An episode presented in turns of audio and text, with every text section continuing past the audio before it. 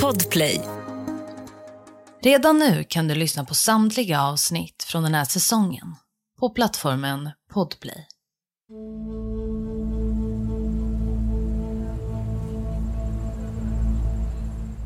Första juli år 2000. Tokyo, Japan. Det är lördag och solen strålar. Värmen omfamnar hennes nätta kropp då hon kliver ut från bostaden. Iklädd en svart klänning och svarta sandaler ställer hon sig intill den trafikerade vägen och väntar. Dagens arbetsuppgift är att spendera dagen med en kund. En välbärgad man som visat intresse för henne.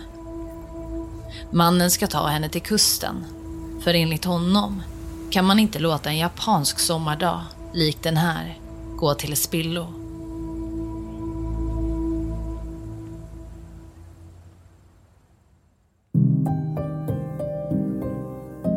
Det här är berättelsen om mordet på Lucy Blackman. Du lyssnar på Jakten på mördaren med mig, Saga Springhorn. Dagens avsnitt är skrivet av Lisa Törnlöf. Jag vill varna för grova och ingående våldsskildringar.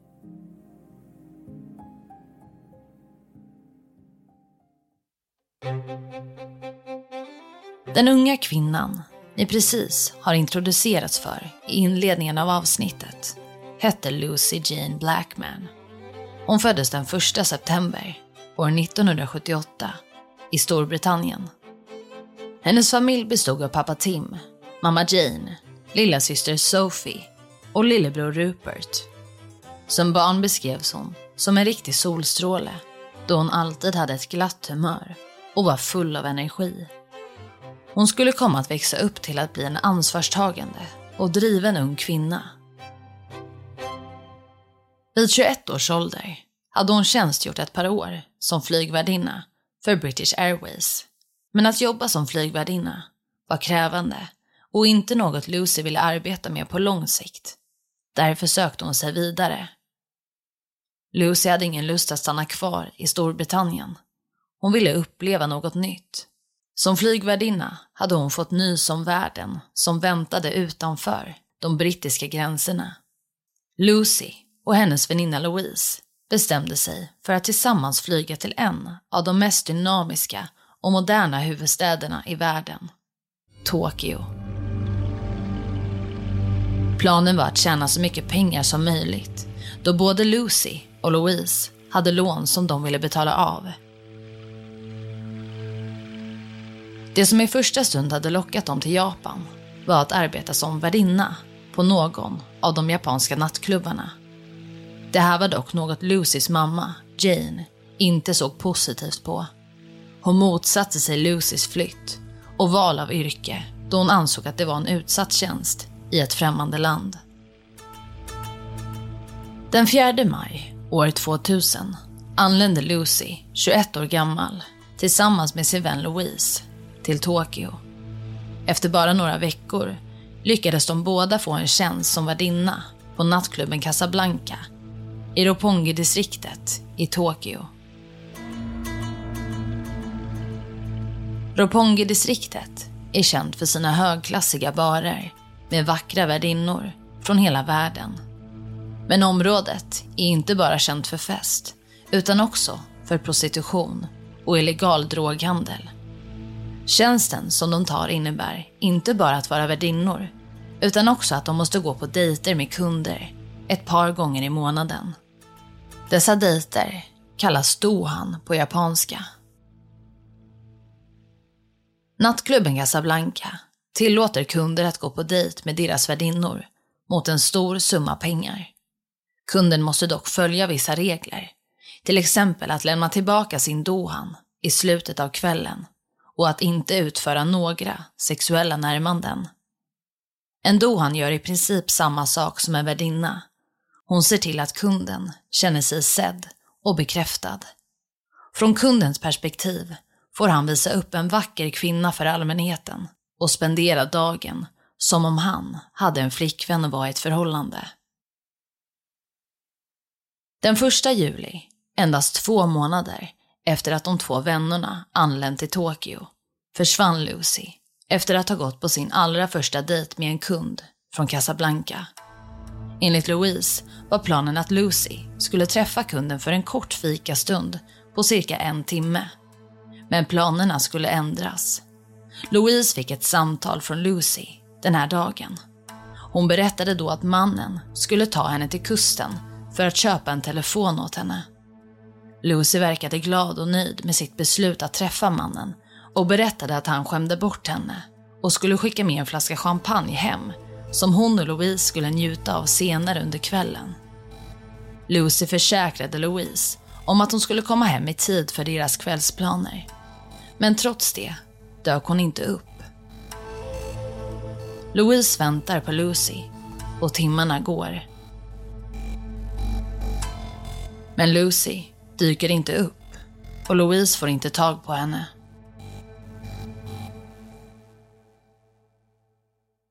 Dagen därpå har hon fortfarande inte dykt upp.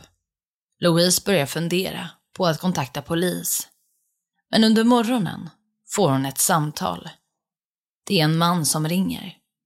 Mannen påstod att Lucy hade gått med i en kult och befann sig i Shiba.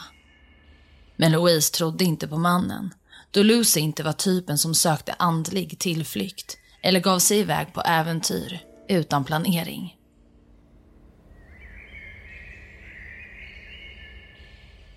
Louise bestämde sig för att kontakta Lucys föräldrar och den första som informerades var mamma Jane som precis hade skickat iväg ett paket med skor och godis till sin dotter. Efter samtalet kontaktade Jane närstående till Lucy och vänner, inklusive Lucys exmake, Tim. Samtidigt kontaktade Louise den japanska polisen för att informera om att Lucy försvunnit under mystiska omständigheter. Men den japanska polisen valde att inte prioritera Lucys försvinnande. Man tänkte sig att Lucy kanske lämnat frivilligt. Det fanns inte tillräckligt med information för att agera. Familjen och Louise blev mycket besvikna och gjorde allt i sin makt för att få polisen att tänka om. Lucys lilla syster Sophie valde att ta saken i egna händer. Tillsammans med Lucys expojkvän åkte hon hela vägen till Tokyo. Detta inom 24 timmar efter Lucys försvinnande. Väl på plats försökte hon ta kontakt med Tokyos polis och den brittiska ambassaden. Men att få hjälp och stöttning verkade inte vara så lätt, då Lucy var en utländsk medborgare. Något som inte prioriterades i landet. Redan efter två dagar ringde Sophie hem till pappa Tim och förklarade situationen. Polisen vägrade att registrera Lucy som försvunnen. I den stunden insåg pappa Tim att han själv behövde agera. Han tog sitt pick och pack och flög över till Tokyo.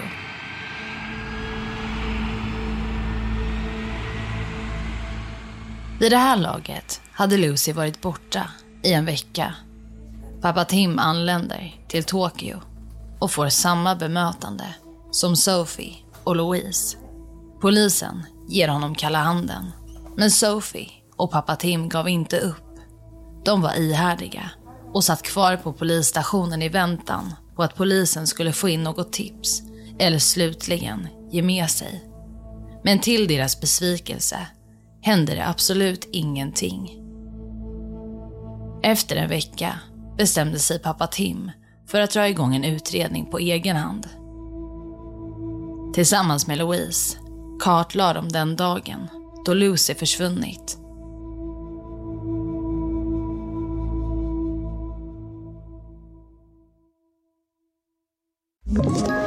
Ett poddtips från Podplay.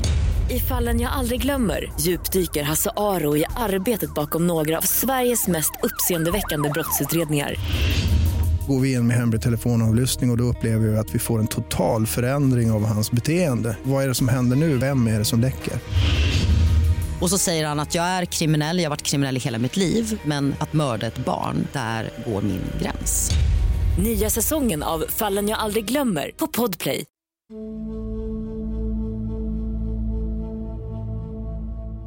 De bestämde sig för att försöka spåra samtalet som Louise fått på morgonen, dagen efter försvinnandet. Men för att spåra samtalet behövde de hjälp från polisen. Men även denna gång var polisen ovillig att samarbeta. Polisen hävdade att det var emot japansk lag att spåra ett samtal utan någon rimlig anledning. Det stred mot integritetslagarna. I samma veva snappade brittisk media upp Lucys försvinnande. Och hemma i Storbritannien började artikel efter artikel publiceras. Det här var något som satte press på japanska polisen. Vid den här tidpunkten bestämde sig också pappa Tim och Sophie för att hålla en presskonferens kopplat till Lucys försvinnande. De säger att det vore väldigt osannolikt att Lucy skulle ha gått med i en kult. Det här var inte något som var likt henne. Tim och Sophie uppmuntrade allmänheten att komma med tips och ledtrådar. Dagen efter presskonferensen hamnade Lucys försvinnande på första sidan på ett flertal stora japanska tidningar. Men det tog inte slut där. Tim kontaktade den brittiska premiärministern och vädjade om hjälp. Och den här strategin skulle komma att fungera. I och med pressen från media och påtryckningar från den brittiska premiärministern drar den japanska polisen igång en utredning. Vi stannar upp lite här för att sammanfatta och kommentera det som hänt. 21-åriga Lucy Blackman är alltså försvunnen. Hon arbetade som en värdinna och doan. Och det var under en av sina dejter som doan som hon försvann. Dagen efter försvinnandet ringer en man till kompisen Louise. Mannen påstår att Lucy gått med i en kult. Det här tror inte Lucys närstående på och åker därför till Tokyo för att försöka få polisen att utreda hennes försvinnande. Men den japanska polisen tar inte fallet på allvar. De hävdar att Lucy kan ha försvunnit självmant. Att hennes försvinnande inte togs på allvar menar hennes familj är ett resultat av att hon var en utländsk kvinna. Det här är däremot något som kvinnorättsförespråkare i Japan inte menar är fallet. Utan de menar att många asiatiska kvinnor som jobbat som värdinnor och försvunnit, likt Lucy, inte varit en prioritet hos polisen. Vi går vidare. Trots att Lucys försvinnande hade fått stor publicitet och att polisen hade jobbat med fallet såg utredningen stilla. De affärsmän som drev barerna i Roppongi-området, där Lucy arbetade, var ovilliga att samarbeta med polisen. Även kvinnorna som jobbade på barerna var ovilliga att samarbeta. Detta eftersom att många av dem befann sig illegalt i Japan och var rädda för att bli utvisade. Det blev uppenbart för utredarna och pappa Tim att de behövde använda en annan taktik för att hitta Lucy. De bestämde sig för att starta en jourtelefon där vem som helst kunde ringa in anonymt och lämna tips om Lucys försvinnande. Detta visade sig vara en framgångsrik taktik, då över hundra samtal kom in redan första dagen. Majoriteten av de som ringde var kvinnor som arbetade i Roppongi-området, likt Lucy. Dessa samtal gav viktig information till utredarna. Vi går nu tillbaka i tiden, till år 1992. Den 7 februari Japan. Kanagawa. Att mannen har pengar gjorde han henne varse om då han plockat upp henne i en lyxbil. Och det är ju just pengar som lockar för den betydligt yngre kvinnan. En dejt lik denna var numera en rutin. Och nu när middagen var avklarad såg hon fram emot att få återvända till Tokyo igen. Kvinnan tackar därför för sig och påminner honom om att han ska skicka receptet på musslorna som han nyss serverat. Till hennes förvåning ber han henne att stanna. Han är ju medveten om rutinerna, tänker hon för sig själv. Jag måste tillbaka till klubben innan klockan åtta, svarar hon artigt, men också en aning bekymrat. Mannen förklarar att han bara vill ta en avskedsdrink. Det går snabbt, jag lovar. Och du ska självklart få kompensation för besväret, försäkrar han henne om. En aningen motvilligt går kvinnan tillbaka till middagsbordet och slår sig ner igen. Här ska du få se, säger mannen medan han drar fram en flaska mousserande som han ser till att hälla upp med ryggen vänd mot henne. När han serverar kvinnan tar hon artigt emot glaset. Mannen fortsätter att förklara att vinet är från Indien och därför kommer smaken vara en aningen annorlunda. Knepet är att dricka allt på en gång. Det finns nämligen en skröna som säger att det leder till tur. Kvinnan gör som mannen säger. Han är trots allt hennes kund och hon vill göra det hon kan för att göra honom nöjd. Men efter bara några minuter börjar hon känna sig riktigt dålig, vilket får mannen att gripa in. Han tar med henne till sängen och det är där allt slocknar för henne. Nästa dag vaknar hon upp i mannens säng med ett vagt minne av en röd lampa som blinkar framför henne. Berättelser lik denna var det som polisen fann gemensamt med Lucys försvinnande. Ett flertal av kvinnorna som hörde av sig via jourtelefonen hävdade som ni precis fått återberättat att de gått på en dejt med en aningen skum men välklädd 40-årig affärsman. Mannen i fråga hade tagit med sin dejt till kusten där han hade en bostadsrätt. I bostaden fick kvinnorna vanligtvis en drink av något slag. En drink som nästan omedelbart gjorde kvinnorna medvetslösa. Dagen efter hade kvinnorna vaknat upp i mannens säng och mått dåligt. Kvinnorna hade blivit både drogade och sexuellt utnyttjade av gärningsmannen. Trots de många tipsen om den 40-åriga mannen lyckades inte polisen få fram ett namn och eftersom att de japanska integritetslagarna försvårade för utredarna att spåra mannen som ringt till Louise stannade utredningen upp ytterligare en gång. Det pappa Tim och hans familj då gjorde var att sätta press på de brittiska politikerna. De kontaktade bland annat Storbritanniens rikskansler som befann sig i Tokyo vid den tidpunkten. De hoppades att hans juridiska expertis skulle kunna hjälpa dem i fallet. Och det kunde den. Rikskanslern fick nämligen utredningen att räknas som en konfidentiell utredning. Och på så vis kunde utredarna ta sig runt integritetslagarna och faktiskt spåra samtalet från den man som påstod sig veta var Lucy befann sig. Och det var nu polisen hittade den huvudmisstänkta. 48-åriga Joji Obara. Han arresterades kort därefter i sitt hem i Tokyo och fördes till häktet där utredarna började förhöra honom. Men Joji nekade till alla anklagelser som riktades mot honom. Han kände varken till Lucy Blackman eller någon av de andra kvinnorna som påstod att han våldtagit dem. Men vem var egentligen Joji Obara? Joji föddes år 1952 i staden Osaka och kom från en förmögen familj. Hans familj byggde upp sin rikedom genom ägandet av ett antal Pachinko-salonger, vilket är en typ av spelhall. Utöver vinsterna från dessa salonger investerade Joji i fastigheter. Men på grund av den ekonomiska krisen i slutet av 1980-talet och början av 1990-talet förlorade han mycket av sin förmögenhet. Detta gjorde att han började använda kriminella metoder för att återvinna sin rikedom. Han började tvätta pengar åt maffian med hjälp av sina företag. Det stod klart att Joji hade starka kopplingar till den kriminella världen.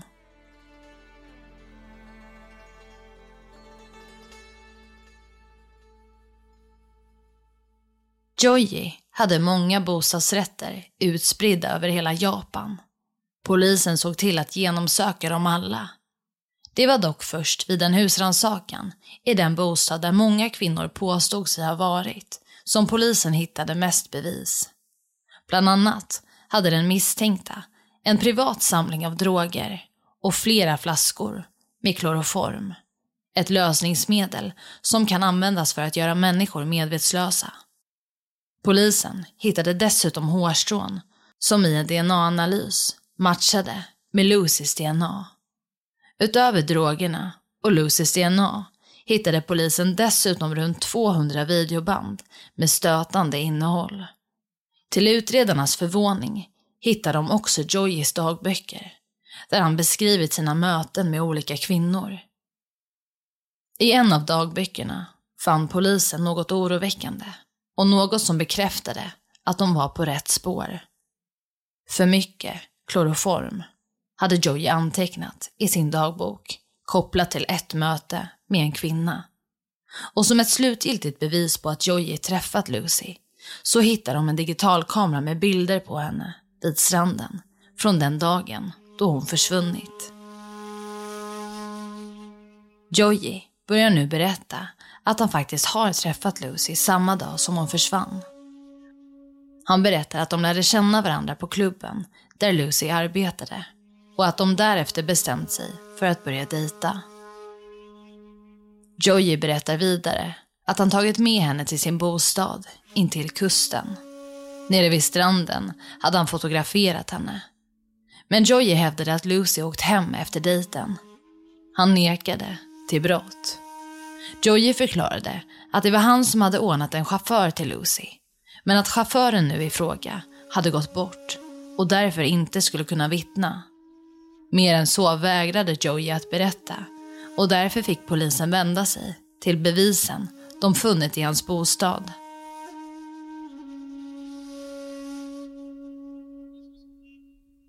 Ett poddtips från Podplay. I podden Något Kaiko garanterar östgötarna Brutti och jag, Davva, dig en stor dos skratt. Där följer jag pladask för köttätandet igen. Man är lite som en jävla vampyr. Man har fått lite blodsmak och då måste man ha mer. Udda spaningar, fängslande anekdoter och en och annan arg rant. Jag måste ha mitt kaffe på morgonen för annars är jag ingen trevlig människa. Då är du ingen trevlig människa, punkt. Något Kaiko, hör du på Podplay. Därför är På videobanden som man hittat i Joeys bostad kunde man urskilja en maskerad man som sövde ner otaliga kvinnor med hjälp av kloroform. Därefter våldtog mannen kvinnorna. Mannen på videoklippen var Joey. De flesta kvinnorna på videobanden kunde identifieras. När polisen kom i kontakt med kvinnorna visade det sig att majoriteten av kvinnorna hade anmält övergreppen. Men dessa övergrepp hade ignorerats av polisen. På ett av klippen hittade utredarna en kvinna som de inte lyckades identifiera vid första anblick. Men denna gåta skulle komma att lösas då pappa Tim fick ett tips hela vägen från Australien. Det var en man vid namn Robert Finnegan som ringde in då han tyckte att Lucys fall påminde om bortgången av sin dåvarande fästmö. Carita, som hon hette, hade också jobbat som värdinna i Tokyo och efter en dejt med en okänd man hade hon blivit mycket sjuk. Det hela hade slutat med att Carita behövde läggas in på sjukhus. Och väl på plats hade mannen som påstod sig heta Mr Nishida förklarat för sjukhuspersonalen att Carita blivit dålig i samband med en måltid då hon ätit ett rått ostron.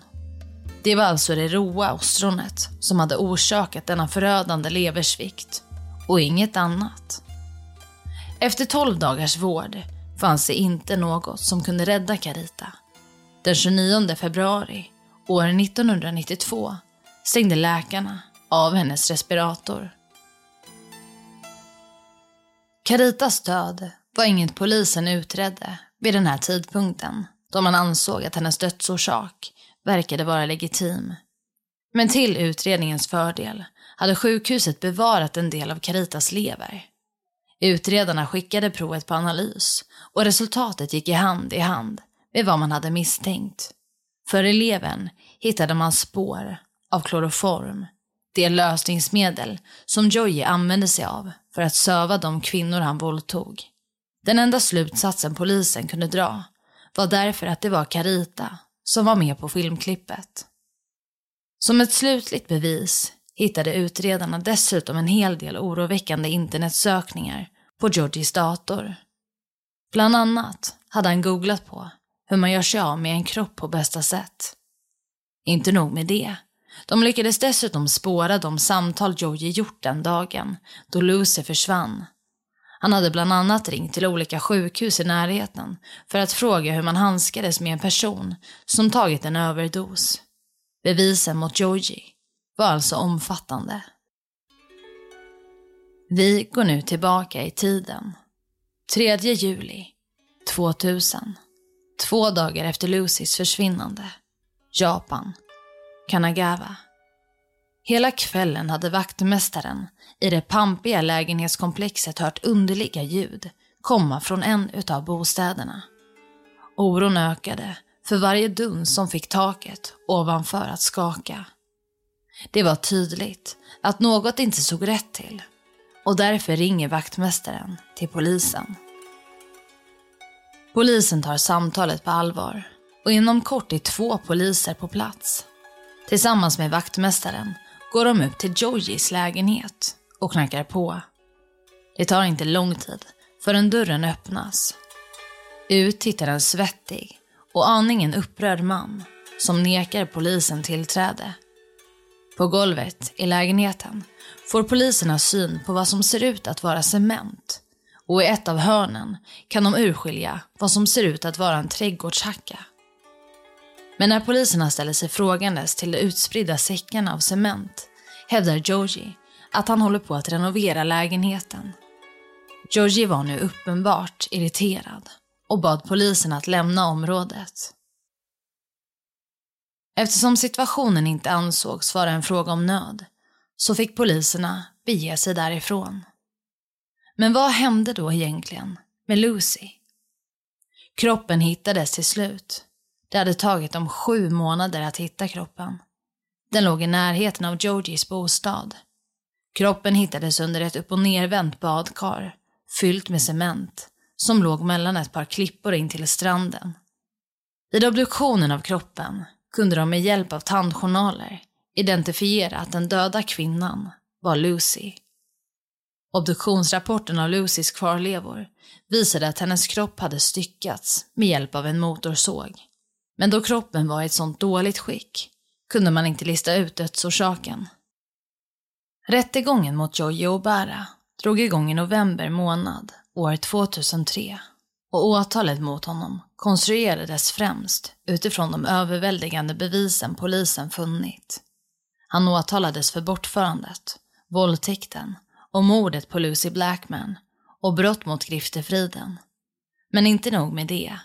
Han åtalades också för mordet på Carita och åtta våldtäkter. Åklagarsidan målade upp mördarens tillvägagångssätt så här. Först såg Joji till att hitta en kvinna som han fann attraktiv. Hon skulle gärna vara av europeisk ursprung och blond. Kvinnan i fråga skulle han senare bjuda ut på en dejt och överösa med presenter och god mat. Sen skulle han ta med henne till sin bostad och där erbjuda en drink. En drink som innehöll sövande droger.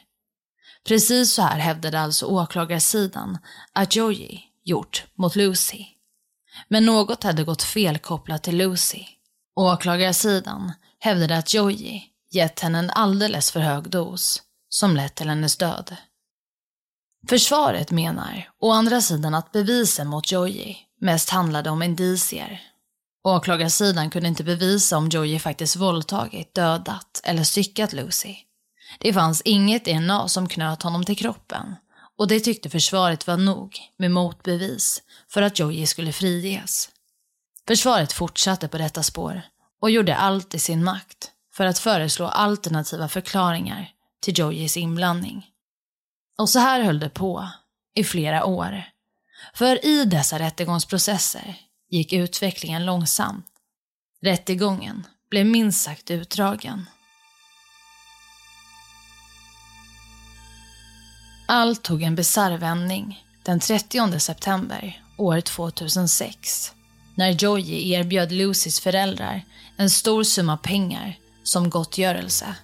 Joji förnekade inblandning i mordet, men ansåg sig ändå vara skyldig. Lucys föräldrar erbjöds runt 200 000 pund vardera, men Jean tackade nej eftersom hon ansåg att ingenting kunde återupprätta förlusten av hennes dotter. Tim däremot tackade ja och fick även Jeans andel av pengarna. Tim kritiserades av Jane för att ha tagit emot pengarna innan det fanns en dom. Och polisen ansåg det problematiskt att ta emot pengar från en potentiell gärningsman. Tim tänkte sig att pengarna skulle kunna vara som plåster på såren och skulle kunna bidra till att familjen kunde arbeta genom det trauma Joji tillfört dem. I Japan är denna typ av gottgörelse relativt förekommande och betraktas som en form av ursäkt för fel som begåtts. Den 24 april år 2007 föll domen. Pappa Tim och lilla syster Sophie sitter längst bak i rättssalen när beslutet meddelas.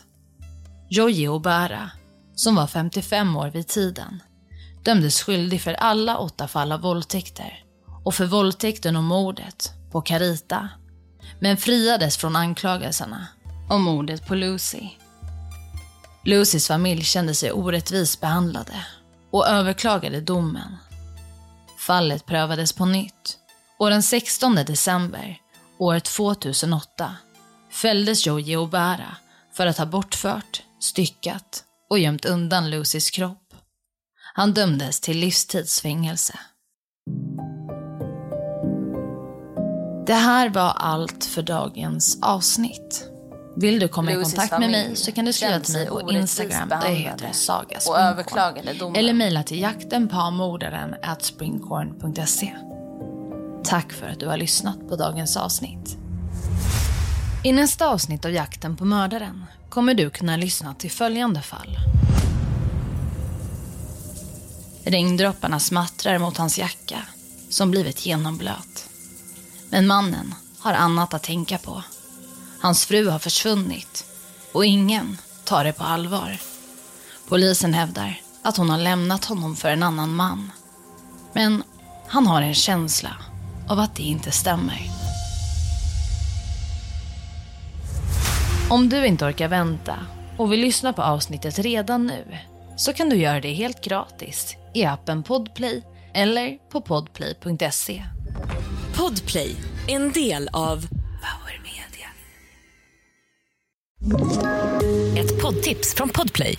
I podden Något Kaiko garanterar östgötarna Brutti och jag, Davva, dig en stor dos skratt. Där följer jag pladask för köttätandet igen. Man är lite som en jävla vampyr. Man har fått lite blodsmak och då måste man ha mer. Udda spaningar, fängslande anekdoter och en och annan arg rant. Jag måste ha mitt kaffe på morgonen för annars är jag ingen trevlig människa. Då är du ingen trevlig människa, punkt. Något Kaiko, hör du på Podplay. Därför är gardinerna.